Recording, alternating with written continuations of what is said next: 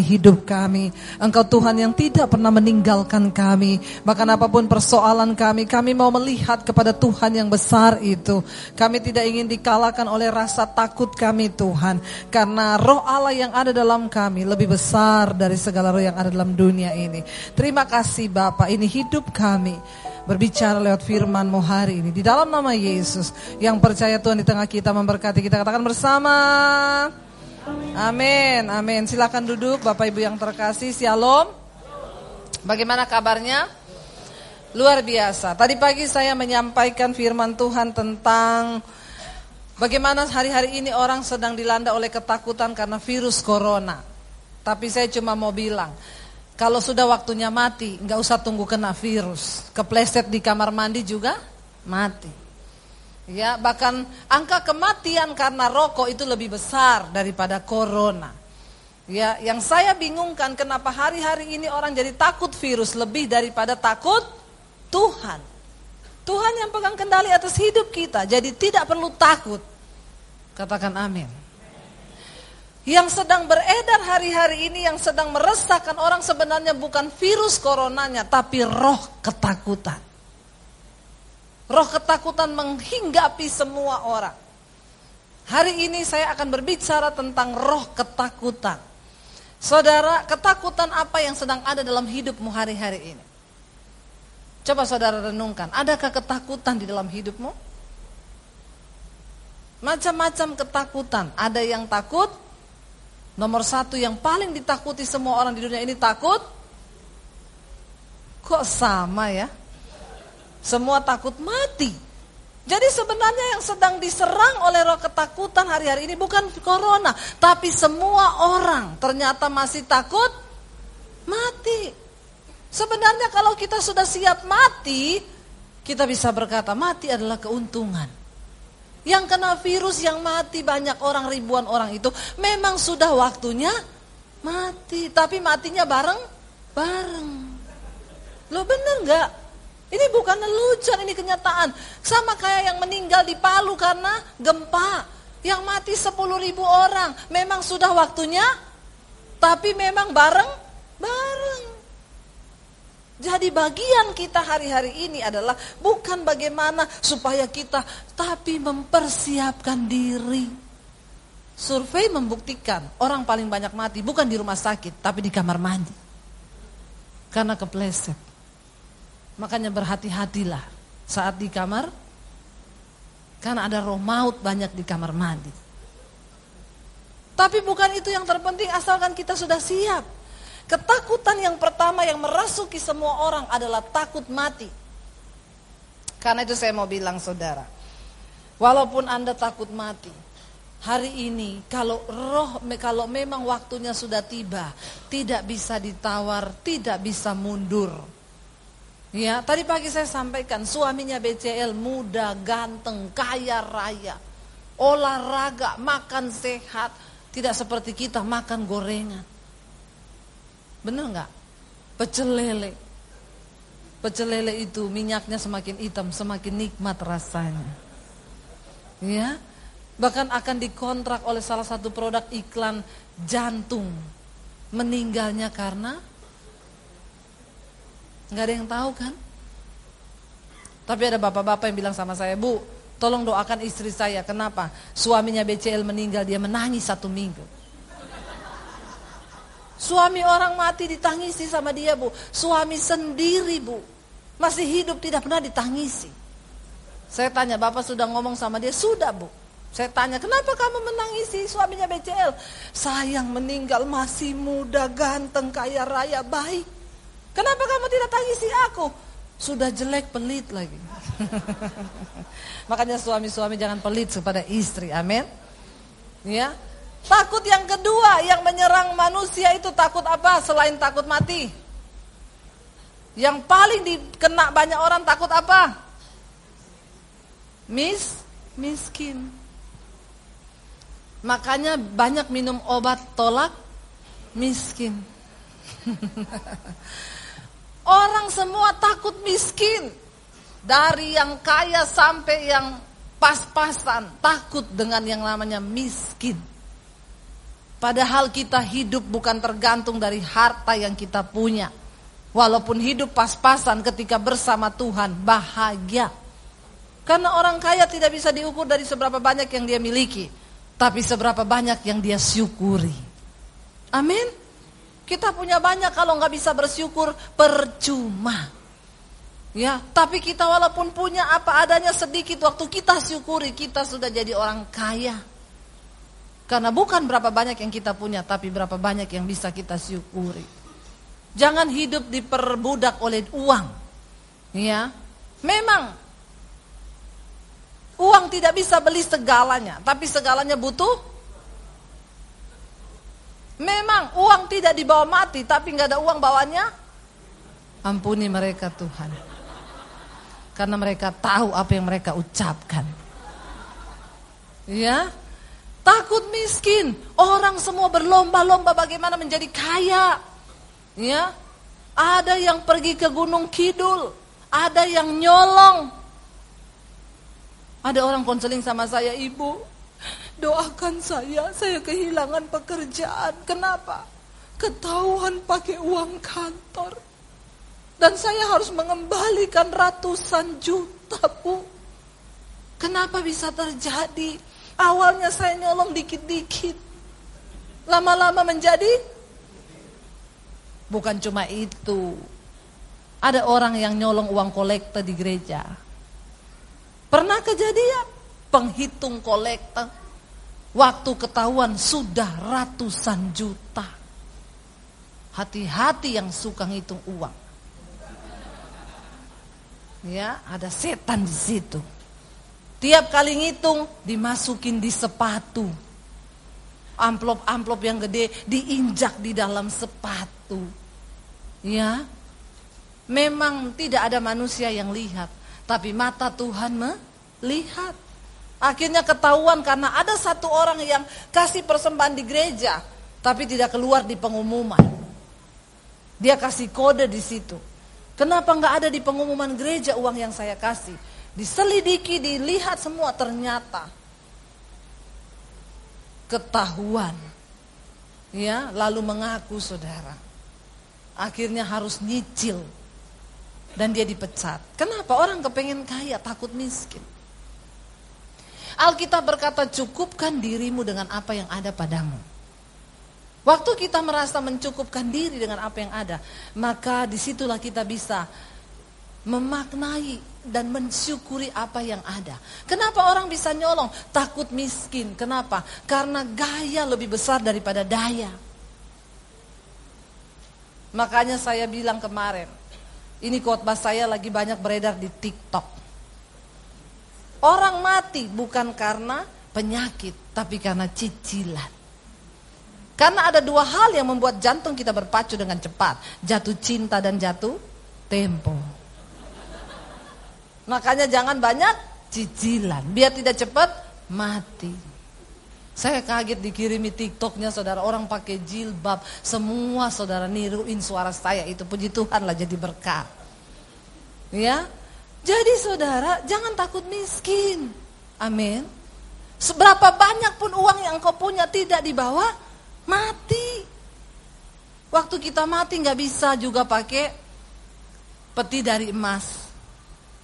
Sehebat apa pun mobil yang kau miliki dibawa ke kuburan cuma pakai ambulans. Jadi nggak usah lah. Lalu takut apa lagi? Takut mati, takut miskin, takut apa? Yang berikutnya takut se setan. Ada yang masih takut setan sini? Angkat tangan yang takut setan. Ya, tidak usah takut setan karena sekarang setan itu sudah bilang manusia lebih setan dari Ya sampai setan yang takut sama kita. Selingkuh yang disalahin siapa? Setan. Setan bilang enak di lu sial di gua. Ya. Jadi nggak usah takut setan. Roh yang ada dalam kita lebih besar. Hidup seadanya saja. Percaya sungguh kepada firman. Oke saudara. Hari ini kita akan belajar sama-sama. Mengapa kita perlu mengalahkan ketakutan? Kenapa? Mari buka sama-sama. 2 Timotius pasal yang pertama ayat yang ketujuh. Mengapa kita perlu mengalahkan ketakutan? Ini baca sama-sama satu dua tiga. Sebab Allah memberikan kepada kita bukan roh ketakutan, melainkan roh yang membangkitkan kekuatan, kasih dan ketertiban. Kenapa kita harus usir roh ketakutan dari dalam diri kita? Karena itu bukan dari Tuhan. Amin. Ketakutan bukan dari Tuhan. Karena itu kita perlu usir dari diri kita. Sebab Tuhan tidak pernah memberikan kepada kita roh ketakutan. Ketakutan itu roh. Dan kalau dia roh berarti dia bisa mengikat hidup saudara dan saya. Sehingga banyak orang hari-hari ini dibelenggu oleh ketakutan. Pernah satu orang ibu datang kepada saya, Bu Debi, doakan saya Bu. Mukanya tertekan, cemas luar biasa. Kenapa? Saya kena sakit ginjal Bu. Ya udah kita berdoa ya Bu ya.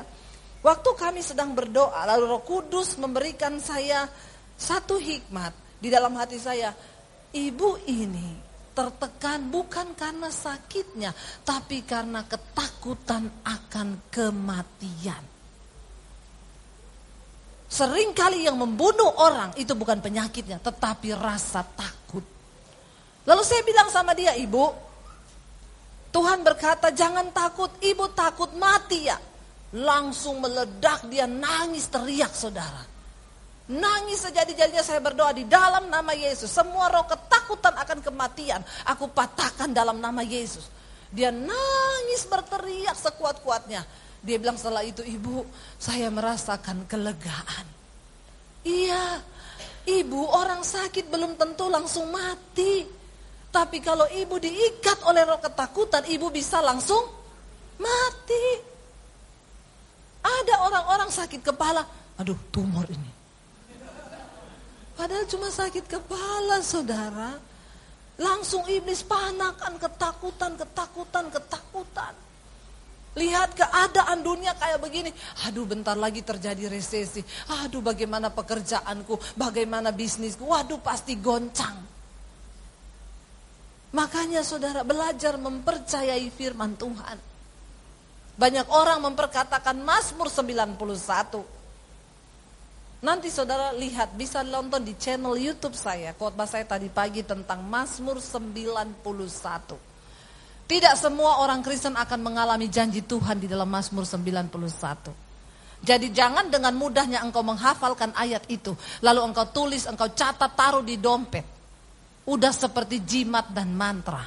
Maaf, untuk menikmati janji firman Tuhan ada syarat yang harus kita penuhi. Karena firman Tuhan itu bukan ayat yang murahan. Tadi pagi saya jelaskan, orang yang mengalami janji Tuhan di Mazmur 91, di ayat yang pertama di sana dikatakan, orang yang berlindung dalam lindungan yang maha kuasa, bermalam di dalam naungan. Di dalam bahasa Inggrisnya dikatakan, orang yang berada dalam the secret place of God, di tempat rahasianya Tuhan. Jadi kalau hari ini kita tidak berada di tempat rahasianya Tuhan, jangan mimpi ayat itu bisa terjadi. Apalagi orang Kristen latah hari-hari ini mau pergi ke rumah selingkuhan, dia perkatakan Mazmur 91. Eh, eh, eh, eh, dia pikir itu bisa terjadi. Hidup dalam kenajisan tapi dia perkatakan Mazmur 91. Ya jangan mimpi saudara.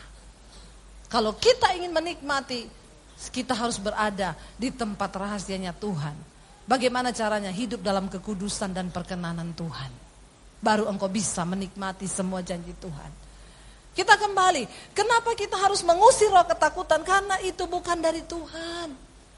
Mari kita menerima sesuatu yang hanya berasal dari Tuhan. Ya, supaya hidup kita ini digerakkan oleh apa yang ada di dalam diri kita, mempercayai firman Tuhan, lalu kita bergerak di dalam alam roh bersama dengan Tuhan, dalam dimensinya Tuhan. Amin. Orang yang hidup dalam ketakutan tidak mungkin diberkati Tuhan. Ingat, apa yang engkau takutkan kata firman Tuhan, itu yang akan menimbang. Karena sesuatu yang kita takutkan itu sama dengan kita imani. Benar nggak? Satu kali ada sebuah percobaan dilakukan kepada seorang mahasiswa bagaimana kuasa ketakutan itu bisa bekerja. Lalu teman-temannya itu mengerjain dia saudara. Yuk kita sepakat ya nanti kita kerjain dia. Dia datang ke sekolah saudara. Waktu masuk pintu gerbang ketemu satu orang teman. Temannya bilang gini, ih kamu kok pucat banget ya, sakit ya? Enggak tuh, emang pucat ya? Iya pucat. Lalu dia mulai takut. Masa saya pucat ya? Sakit apa ya? Dia masuk ke kelas ketemu temannya satu lagi. Kamu kok pucat banget? Kamu sakit ya? Ini penel, ini ini il, penelitian yang di, benar-benar dicobai, dilakukan dan memang ada hasilnya. Kamu sakit ya? Dia ngomong enggak itu. Masa saya pucat? Lalu dia mulai takut. Apa aku sakit ya? Lalu dia pergi ke toilet saudara. Di toilet ketemu sama satu orang lagi yang memang sengaja mencobai. Kamu kok pucat banget sakit? Enggak itu saya enggak sakit. Tapi kok semua orang bilang begitu. Dia pergi ke cermin di toilet. Pucat ya saya ya. Sakit ya. Lalu dia mulai takut. Emang saya ada sakit ya. Saudara tahu, tiga hari kemudian dia tidak masuk sekolah. Beberapa hari semua teman berkata begitu. Lalu berapa hari kemudian mereka dengar dia benar-benar di opnam. Kenapa? Karena ketakutan. Waktu kita takut, tubuh kita memproduksi hormon yang sangat merugikan kesehatan. Makanya jangan takut. Berserah kepada Tuhan saudara. Ya, harus kita lawan semua roh ketakutan. Kenapa? Yang pertama, itu bukan dari Tuhan. Alkitab berkata, sebab Allah tidak memberikan kepada kita roh ketakutan. Ya, Allah yang Allah berikan kepada kita bukan roh ketakutan, melainkan roh yang membangkitkan kekuatan. Ketakutan lawan katanya kekuatan. Orang-orang yang hidup dalam ketakutan, mereka lemah dan tidak bisa punya kekuatan. Makanya tentara yang takut tidak mungkin memenangkan pertempuran. Karena dia sudah kalah sebelum berperang. Amin. Waktu para pengintai didengarkan kata-kata yang menakutkan, kamu mau ke sana itu orang-orang gede-gede. Tidak mungkin kita menang. Ciut semuanya mundur, nggak ada yang berani. Tetapi Yosua dan Kaleb memberanikan diri dan mempercayai firman Tuhan. Saudara kita nggak bisa mendengarkan iblis apa yang iblis taruh dalam hidup kita. Hari ini yang perlu engkau lakukan membangkitkan dan membangun imanmu. Percaya sungguh kepada Tuhan bahwa rancangan Tuhan bagi kita itu yang terbaik. Sambil kita hidup dalam takut akan Tuhan. Hanya satu ketakutan yang perlu kita hidupi hari-hari ini. Takut akan Tuhan. Itu adalah satu ketakutan yang mengalahkan semua ketakutan yang lain. Amin. Takut akan Tuhan. Jangan takut sama corona. Lebih daripada engkau takut sama Tuhan. Jangan takut pada kemiskinan, lebih dari rasa takutmu kepada Tuhan. Orang yang hidup dalam ketakutan, dia tidak mempercayai Tuhan. Dan saudara tahu nasibnya orang yang tidak mempercayai Tuhan, dia tidak akan mengalami keadaan yang baik. Hidupnya terkutuk. Tadi Pak Niko berkata, dia makan tidak sampai kenyang, dia minum tidak sampai puas. Dia bekerja dapat penghasilan seperti ditaruh di pundi-pundi yang berlubang, tidak pernah cukup. Kalau engkau lagi menikmati hari-hari itu, semua keadaan itu hari ini bertobatlah.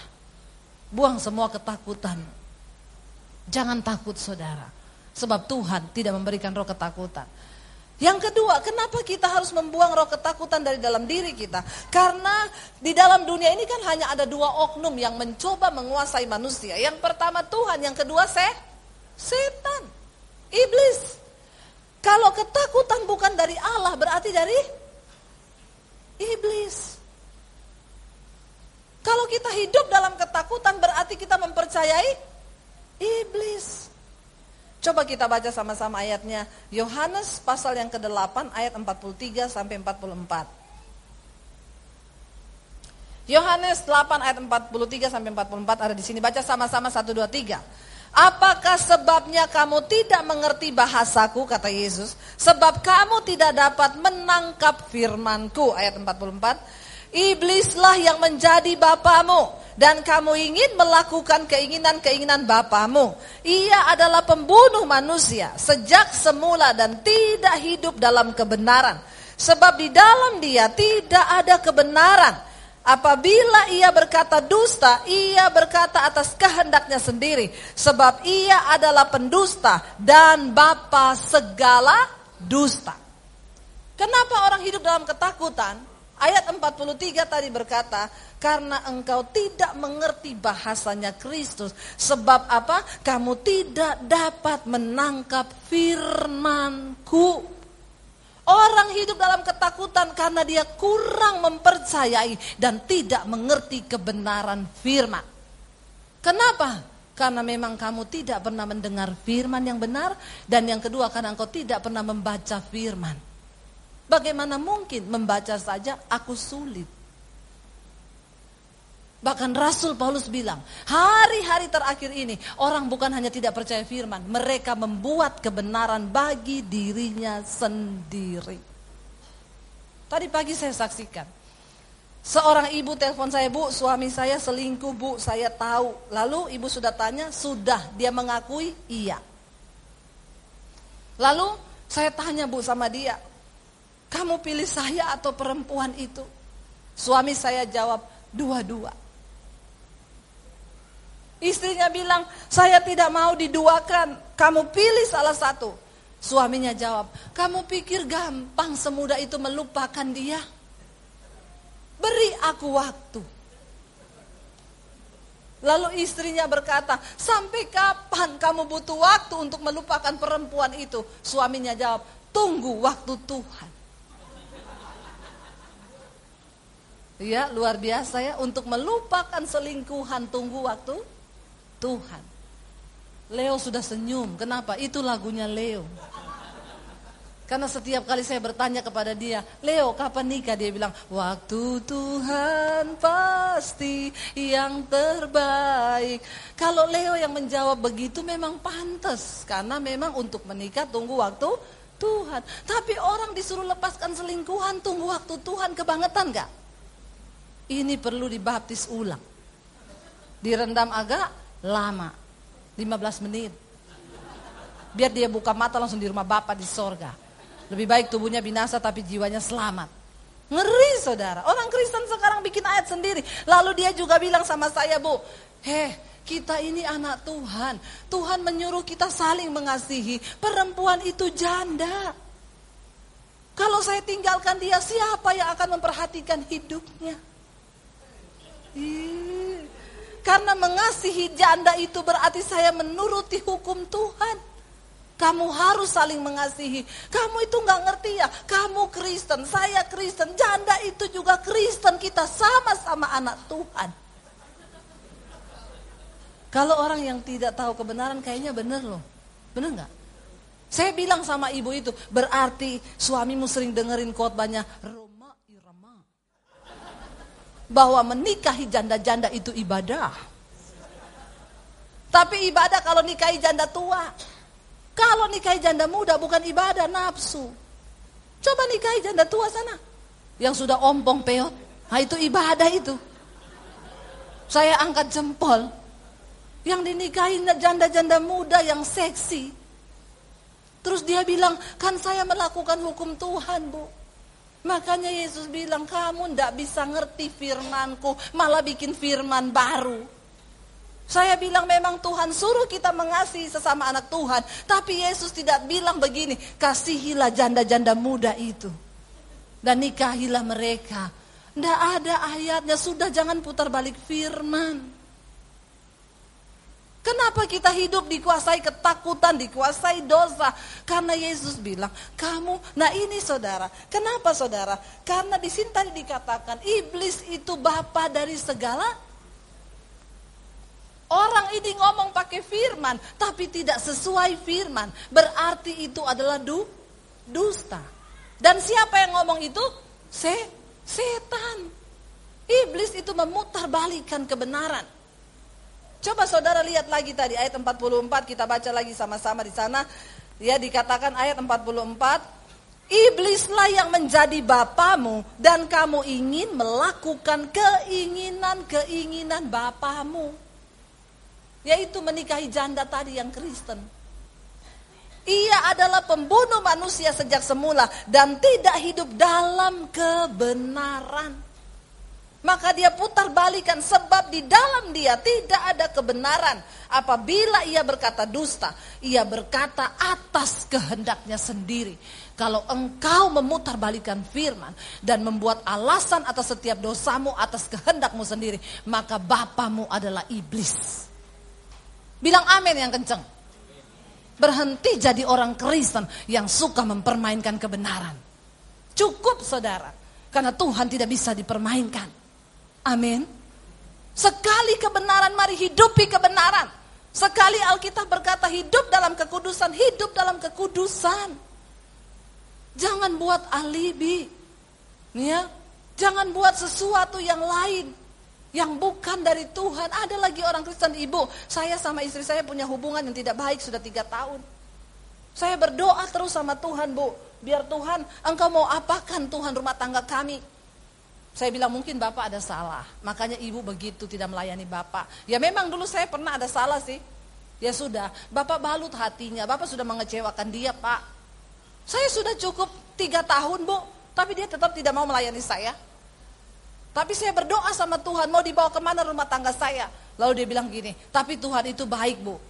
Oh iya, kenapa Pak? Saya pikir dia bilang Tuhan pulihkan. Tuhan baik Bu. Di dalam pergumulan saya, Tuhan jawab doa saya, dia kirim wanita lain.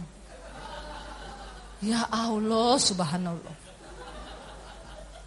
Ada Tuhan kirim wanita lain.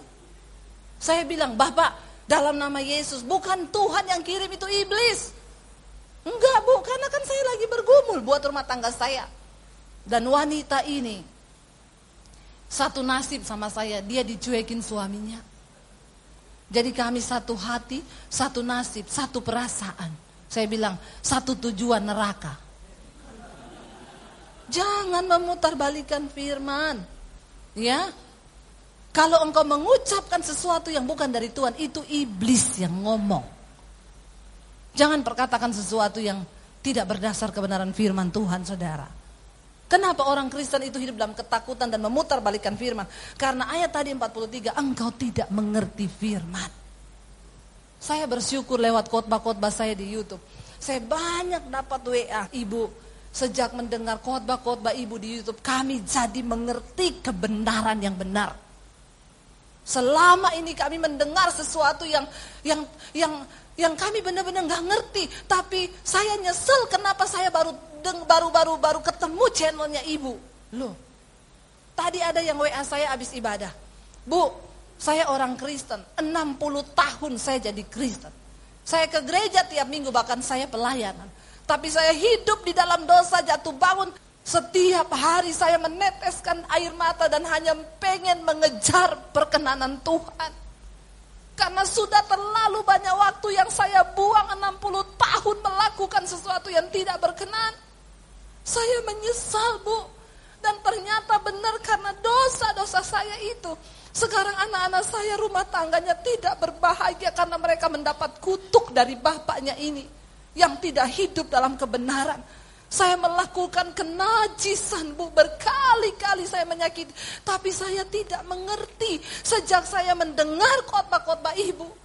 Saya mulai mengejar kekudusan. Berapa bulan terakhir ini. Ibu tolong doakan saya. Apakah Tuhan masih berkenan menerima saya. Ibu tahu saya mengetik ini kepada ibu. Air mata saya berlinang-linang. Saya nangis mendengar yang begitu saudara. Saya bilang pak, sorga bersorak-sorai. Karena ada satu jiwa yang mau kembali melakukan apa yang berkenan di mata Tuhan. Itu yang Tuhan mau, jangan ditipu sama iblis. Banyak orang Kristen yang berkata, kita dibenarkan bukan karena perbuatan kita, tapi hanya karena kasih karunia. Iya, itu berlaku ketika pertama kali kita terima Yesus. Tuhan memanggil saya bukan karena kebenaran saya. Justru karena saya hidup di dalam dosa dan hidup saya kotor dan sampah. Dan Tuhan pungut saya itu bukan karena kebenaran saya. Tapi ketika saya menerima Yesus sebagai Tuhan, saya menerima anugerahnya.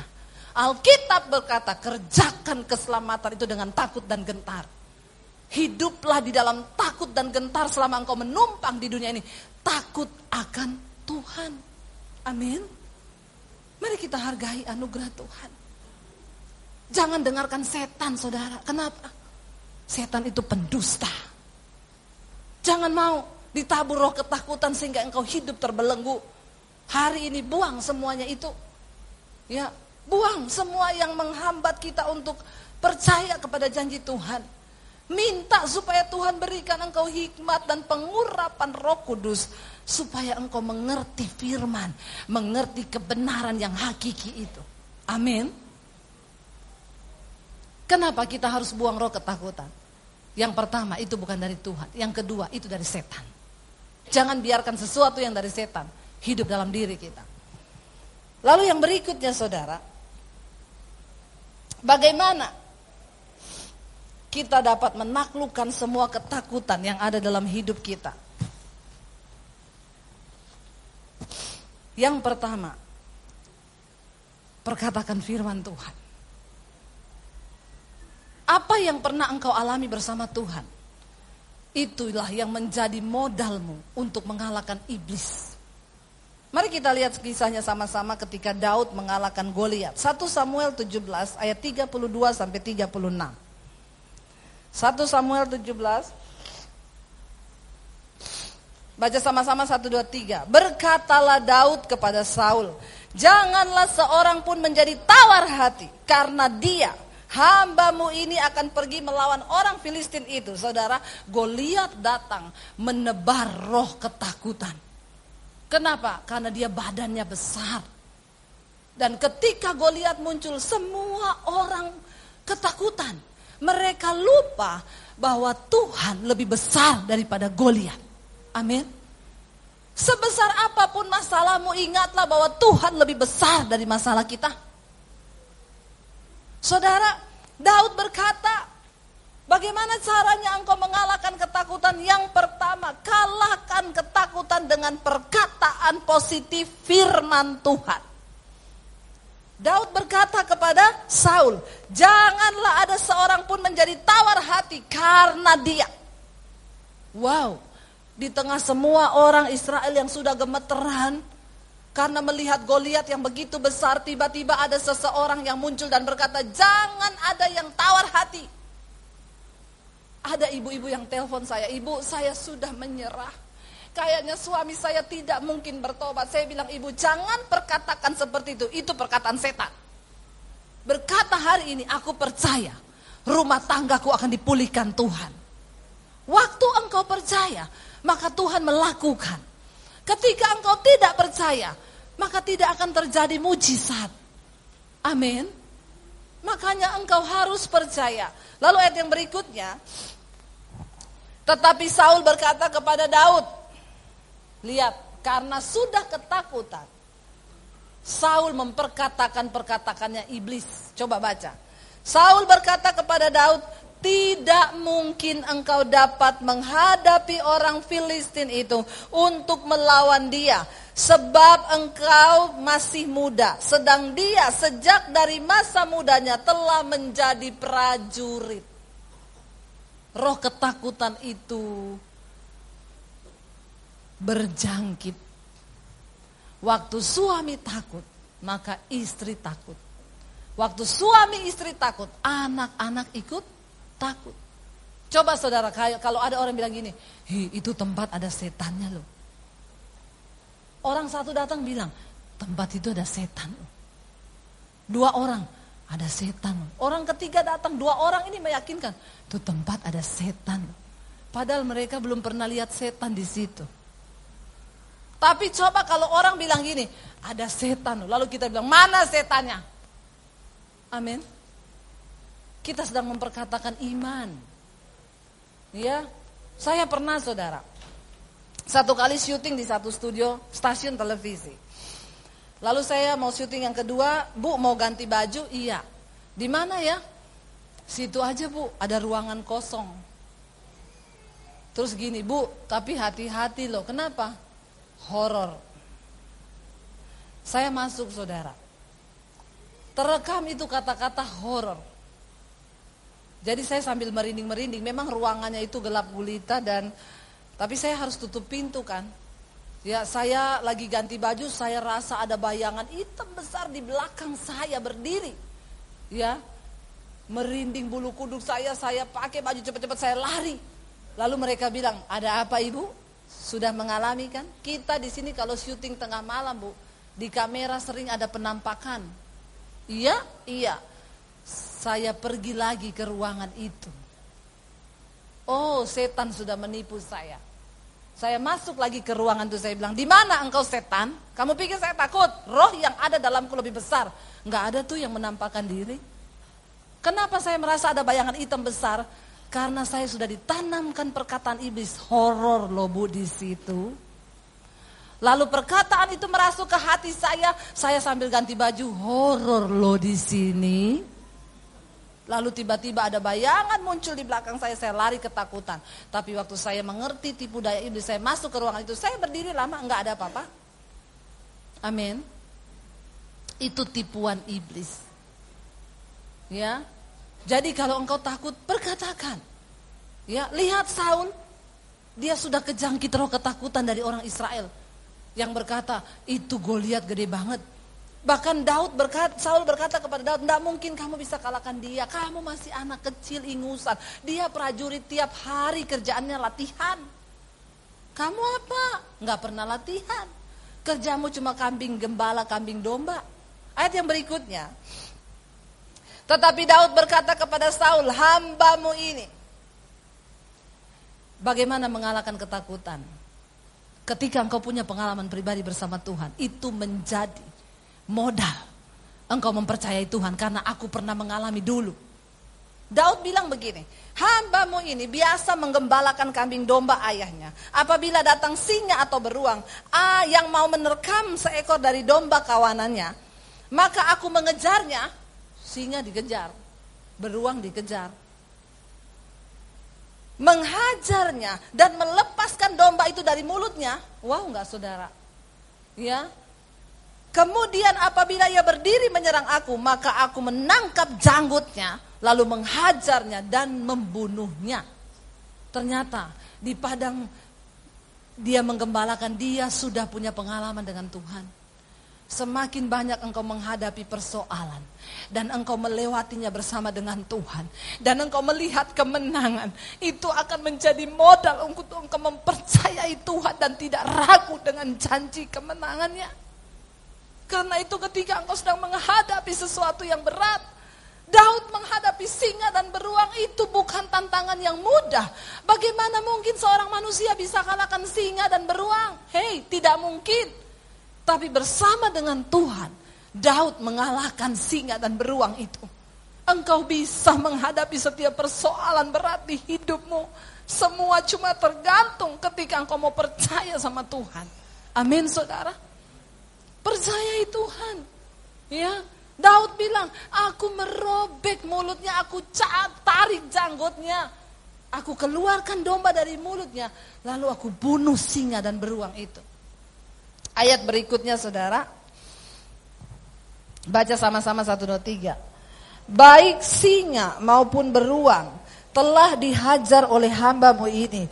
Dan orang Filistin yang tidak bersunat itu ia akan sama seperti salah satu daripada binatang itu karena ia telah mencemooh barisan daripada Allah yang hidup. Waktu setan menakuti engkau dengan tipu dayanya, dia sedang mencemooh Tuhanmu yang besar. Karena itu jangan percaya. Engkau perkatakan firman Tuhan. Daud bilang apa? Nasibnya akan jadi sama seperti singa dan beruang. Kenapa? Karena dia mencemooh barisan Allah yang hidup. Daud punya keyakinan Tuhan yang lebih besar daripada Goliat. Amin. Lalu ayat berikutnya berkata, pula kata Daud, Tuhan yang telah apa? Melepaskan aku dari cakar singa dan dari cakar beruang. Dia juga yang akan melepaskan aku dari tangan orang Filistin itu. Kata Saul kepada Daud, pergilah. Tuhan menyertaimu. Langsung berubahkan omongannya Saul? Waktu dia dengar perkataan firman, saudara engkau bisa mengubah keadaan, engkau bisa mengubah orang-orang di sekelilingmu waktu engkau datang dengan perkataan firman. Sekalipun dokter bilang sakitmu tidak mungkin sembuh, bagi Tuhan tidak ada perkara yang mustahil. Saya mau saksikan saudara, saya diundang pelayaran di Purwokerto. Saya ketemu dengan sepasang suami istri yang undang saya. Saya dijemput oleh anaknya, ya sudah selesai kuliah dan sudah bekerja. Lalu di jalan dia cerita, ibu, anak saya ini menurut perkiraan dokter dulu harusnya meninggal sejak di dalam kandungan. Kenapa pak? Saya punya anak kembar, lama kami menikah tidak punya anak, lalu kami berdoa, lalu istri saya hamil. Ketika hamil kami periksa ke dokter bu, dokter bilang sebaiknya digugurkan. Kenapa? Karena ibu punya kista. Dan ada virus di dalam kandungannya ibu. Itu virus yang ada di kucing.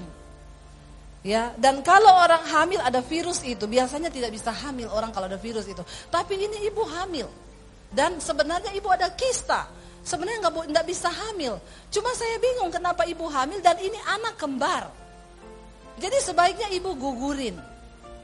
Karena anak ini lahir akan cacat. Dia dan suaminya ber, menyatukan imannya, enggak. Kami tidak akan gugurkan anak ini karena kami tahu kalau Tuhan sudah beri anak itu anugerah. Mereka menjalani dengan iman. Dan benar anak itu lahir. Waktu anak itu lahir, sekitar usia tiga bulan, anak ini tidak bergerak-bergerak seperti bayi lain yang sudah bisa merang, yang sudah bisa tengkurap. Itu cuma diam begini dan kepalanya membesar dua-dua. Lalu dibawa ke dokter yang tangani anak ini tiga dokter ahli. Ahli syaraf, ahli virus, sama satu tuh ahli apa tuh saya lupa. Jadi tiga dokter ahli, lima dokter sama dokter anak dan dokter umum. Dokter itu bilang ibu, anak ibu ini karena virus itu terus bekerja di otaknya. Jadi anak ibu akan mengalami kelainan seperti anak-anak yang memang mengalami virus ini dari dalam kandungan. Kepalanya akan membesar. Saudara pernah lihat ya anak-anak yang kepalanya gede banget. Ya, itu karena virus ya. Dan dokter bilang, Bapak lihat otaknya, scan otaknya anaknya Bapak. Jadi di foto saudara. Dia lihatkan saya fotonya. Ini otak yang sehat Pak, warnanya itu cerah. Ini otaknya Bapak, anaknya Bapak sudah hitam dan mengkeret. Jadi virus itu menyerang otak dan otaknya ini mengkeret, makanya anaknya bapak nggak bisa tengkurap dan tidak bisa gerak. Dan nanti makin lama makin lama kepalanya akan membesar dan dia cuma bisa tidur terlentang begini dengan kepala yang besar tidak bisa apa-apa. Kalau anak bapak sudah menginjak umur satu tahun, kepalanya terus membesar, nanti kita akan pasang selang untuk men, men, men, men, apa, mengeluarkan cairan dari otaknya, dari kepalanya, itu akan dibuang. Dan selang itu akan diganti setiap tahun. Dan selang itu tidak belum ada dijual di Indonesia itu pesan dari luar. Stres nggak saudara? Stres. Ibu itu bilang, saya terpukul Bu Debi luar biasa. Kenapa? Karena saya punya teman, anaknya begitu Bu. Memang nggak bisa apa-apa, kepalanya gede di tempat tidur. Lalu dari dokter ahli virus ahli ini kasih obat antibiotik. Obat segini setiap hari anak ini saudara dari bayi harus diminumin obat-obat ini. Ya, dia bilang bayangkan ibu dan saya tanya dokter, dok obat ini menyembuhkan? Tidak. Hanya untuk menahan saja, tapi nggak bisa sembuh. Lalu suami istri ini diproses Tuhan. Saudara tahu mereka ini papa mamanya. Dulu bapak itu suaminya itu orang tuanya itu mantri. Ya, dulu kan mantri ya. Istrinya itu bidan, jadi mamanya bidan, bapaknya mantri. Jadi bapaknya itu mantri punya buku obat di rumah. Buku obat setebal ini. Bapak itu ngomong, "Bu, semua tetangga saya kalau sakit itu datangnya ke saya, Bu. Saya yang kasih tahu obatnya apa karena saya punya buku. Saya sakit apa tinggal saya cari di buku itu. Oh, obatnya ini oh ini obatnya. Tapi waktu anak saya kena sakit itu, dia diminumin obat dan dokter bilang itu obat tidak menyembuhkan, hanya untuk menahan. Mereka berdua syok dan benar-benar tertekan. Ya, tiap hari memikirkan bagaimana anak itu kepalanya jadi besar. Istrinya bilang, ibu saya menangis memikirkan anak saya yang kembar nasibnya kayak anak teman saya. Dan memang kepalanya makin besar. Sampai satu kali istrinya membaca firman Tuhan dan dia mengimani firman itu. Bahwa Tuhan itu penyembuh dan manusia hidup itu oleh karena iman. Suaminya cerita sama saya, ibu tahu satu kali istri saya bu sore-sore tiba-tiba berdiri dari tempat duduk dia teriak, dia datangi saya, pegang bungkusan obat yang banyak itu dia bilang gini, Mas, suaminya kaget. Kenapa? Manusia hidup itu bukan karena obat tapi karena Tuhan. Anakku hidup bukan karena obat tapi karena iman. Dia pergi keluar rumah di belakang ada halaman kosong. Dia lempar itu obat ke halaman kosong dalam nama Yesus. Anakku hidup karena Tuhan. Suaminya syok. Nanti malam anakku minum obat apa? Kenapa dibuang? Suaminya bilang, bu malam itu saya sempat takut nanti anak saya minum apa. Mereka berdua akhirnya mulai mempercayai Tuhan anaknya nggak minum obat. Saudara, waktu saya ketemu itu anak dua sudah kerja di bank. Mereka lulus cum laude. Kok nggak wow?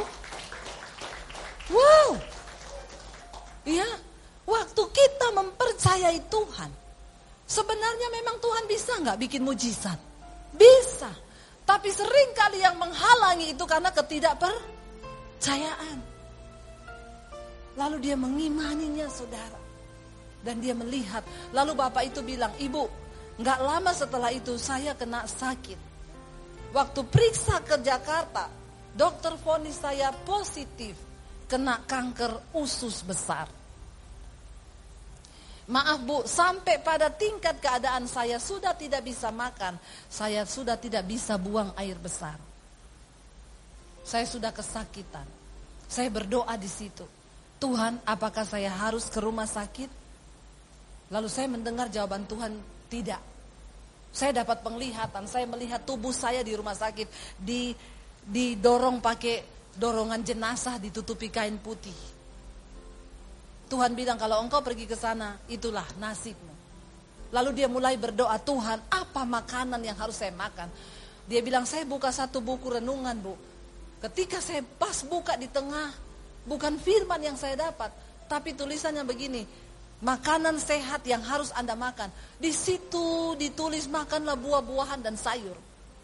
Dan sejak saat itu bu, saya tiap hari tidak makan apa-apa cuma buah dan sayur di blender di apa sembuh. Dan sekarang dia melayani Tuhan bersama istri dan keluarganya. Wow nggak saudara? Kalau saudara mau dengar kesaksiannya, tolong lihat di channel YouTube saya. Debbie Basjir TV. Saya bukan iklan, tapi rugi kalau engkau tidak menyaksikan kebesaran Tuhan. Di situ ada foto-foto anaknya yang sudah dewasa, dari mereka masih bayi. Saudara lihat saja judulnya di situ uh, apa? saya membuang semua obat. Coba saudara lihat, ya. Kenapa orang harus menyaksikan kasih Tuhan supaya engkau belajar percaya? Ini jamnya sudah selesai. Saya tadi sudah bilang kepada diri saya, saya berkhotbah sampai jam 8 lebih 15. Karena jam 8 lebih 15 itu berarti 45 menit. Sekarang saya sudah satu jam. Sudah kelebihan banyak waktunya. Tapi tidak apa-apa ya. Mau sampai jam berapa? Sampai jam 12 Anda puas saya lemes. Karena ini sudah yang kelima saya khotbah saudara ya. Saudara luar biasa kan. Kenapa engkau harus memperkatakan firman? Karena firman itu berkuasa mengubahkan keadaanmu. Lihat ketika Daud memperkatakan firman, langsung Saul berubah. Dia bilang apa? Ya sudah, pergi Tuhan menyertaimu. Wow enggak saudara? Coba kita lihat ayat yang berikutnya saudara.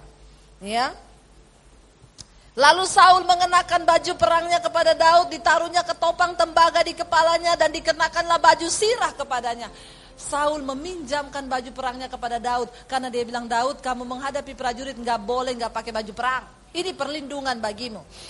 Ayat yang berikutnya, Lalu Daud mengikatkan pedangnya di luar baju perangnya. Kemudian ia berikhtiar berjalan sebab belum pernah dicobanya. Dia belum pernah pakai baju perang.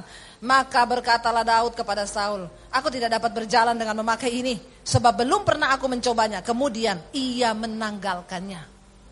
Jangan coba sesuatu yang perlu belum pernah Anda alami kuasanya.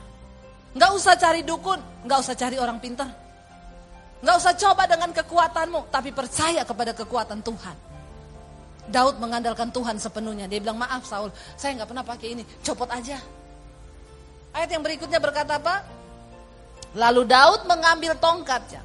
Di tangannya dipilihnya dari dasar sungai lima batu yang licin. Dan ditaruhnya dalam kantong gembala yang dibawanya. Yakni tempat batu-batu sedang umpannya dipegangnya di tangannya. Demikianlah ia mendekati orang Filistin itu. Siapa sangka cuma dengan lima batu dari sungai. Ternyata bisa bunuh Goliat. Jangan pernah batasi Tuhan dengan caramu. Karena Tuhan suka bekerja dengan cara yang tidak terduga. Amin. Bagian kita mempercayai saja. Nggak usah mendikte Tuhan. Tuhan harusnya begini, begini, begini. Udah copot semua. Yang engkau rasa mungkin bisa. Jangan harapkan orang lain menolongmu, keluargaku bisa tolong saya. Berhenti menyalahkan keadaan dan mengharapkan sesuatu yang lain selain daripada Tuhan. Kenapa? Karena Tuhan bekerja dengan cara yang ajaib bahkan yang tidak pernah muncul di dalam akal logika kita. Ayat berikutnya berkata, Orang Filistin itu kian dekat menghampiri Daud. Di depannya orang yang membawa perisainya. Bayangkan perisainya aja dibawain saudara. Saking gedenya. Lalu ayat berikutnya berkata, Ketika orang Filistin itu menunjukkan pandangannya ke arah Daud serta melihat dia, dihinanya Daud karena ia masih muda, kemerah-merahan dan elok parasnya. Dia bilang, anak kecil. Tuhan bisa memakai siapa saja. Bukan cuma hamba Tuhan, Anda pun bisa dipakai Tuhan dengan luar biasa. Waktu engkau percaya sungguh kepada Tuhan. Berikutnya kita baca, orang Filistin itu berkata kepada Daud, Anjingkah aku? Maka engkau mendatangi aku dengan tongkat. Lalu demi para allahnya orang Filistin itu mengutuki Daud. Dia mengejek Daud. Kamu pikir saya anjing? Datangi pakai tongkat. Aku nih bawa lembing. Pakai baju prajurit, pakai baju perang. Lu itu pikir aku anjing yang gampang dikalahkan dengan tongkat. Lalu ayat berikutnya berkata, Pula orang Filistin itu berkata kepada Daud, hadapilah aku, maka aku akan memberikan dagingmu kepada burung-burung di udara dan kepada binatang-binatang di padang. Jangan dengarkan iblis. Ini perkataan setan yang coba melemahkan imannya Daud. Tapi Daud menentangnya dengan apa? Ayat 45. Tetapi Daud berkata kepada orang Filistin itu. Baca sama-sama, satu, dua, tiga. Engkau mendatangi aku dengan pedang dan tombak dan lembing. Tetapi aku mendatangi engkau dengan nama Tuhan semesta alam. Allah segala barisan Israel yang kau tantang itu. Wow enggak? Bagaimana cara kita mengalahkan ketakutan? Percaya dalam nama Tuhan. Datangi masalahmu dengan nama Tuhan. Dan hidup di dalam perkenanan Tuhan. Itu yang paling penting karena Tuhan menolong orang yang berkenan di hatinya. Amin. Ayat berikutnya berkata, hari ini juga baca sama-sama Tuhan akan menyerahkan engkau ke dalam tanganku dan aku akan mengalahkan engkau dan memenggal kepalamu dari tubuhmu. Hari ini juga aku akan memberikan mayatmu dan mayat tentara orang Filistin kepada burung-burung di udara dan kepada binatang-binatang liar supaya seluruh bumi tahu bahwa Israel mempunyai Allah. Wow enggak? Kenapa Tuhan izinkan persoalan terjadi dalam hidupmu? Supaya waktu engkau ditolong Tuhan, orang lain melihat bahwa Tuhanmu hebat.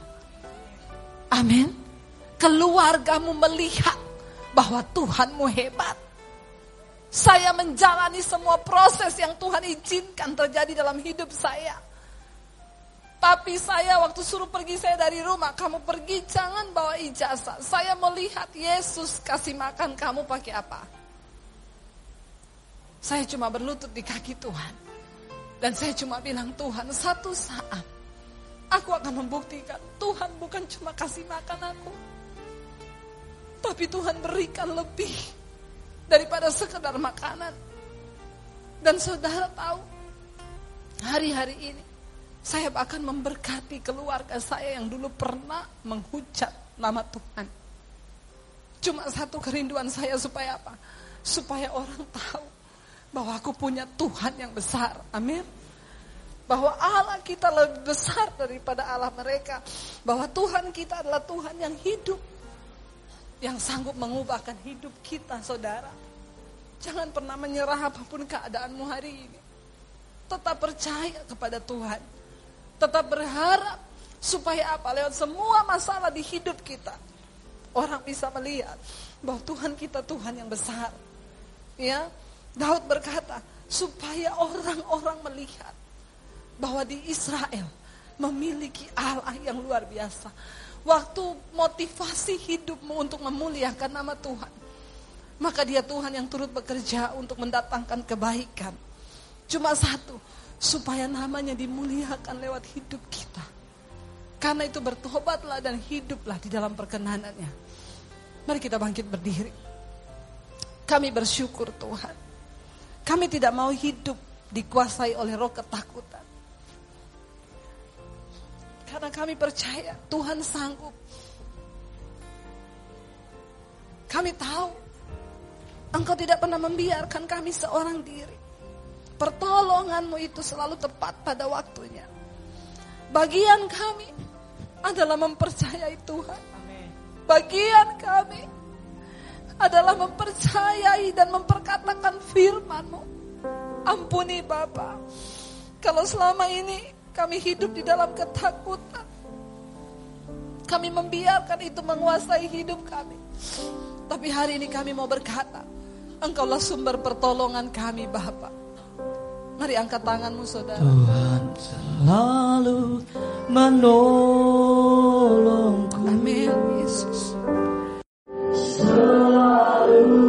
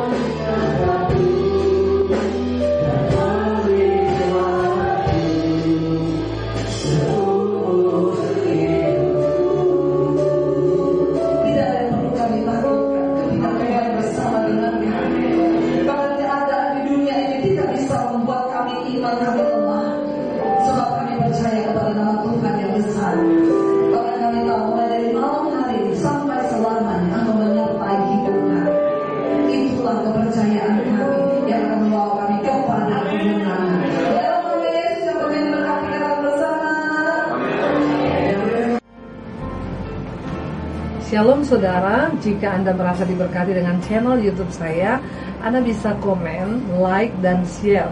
Dan jangan lupa tekan tombol tombol subscribe dan juga tombol lonceng agar Anda mendapat pemberitahuan setiap kali saya mengupload video-video yang baru. Ini sangat penting buat channel ini saudara supaya banyak orang juga diberkati dan channel ini boleh juga terus berkembang dan menjadi berkat buat banyak orang. Terima kasih Tuhan selalu menopangku. Saat jalan terasa buntu cahayamu Tuhan selalu terangiku mujizatmu masih terjadi. Tiap hari terjadi. Mujizat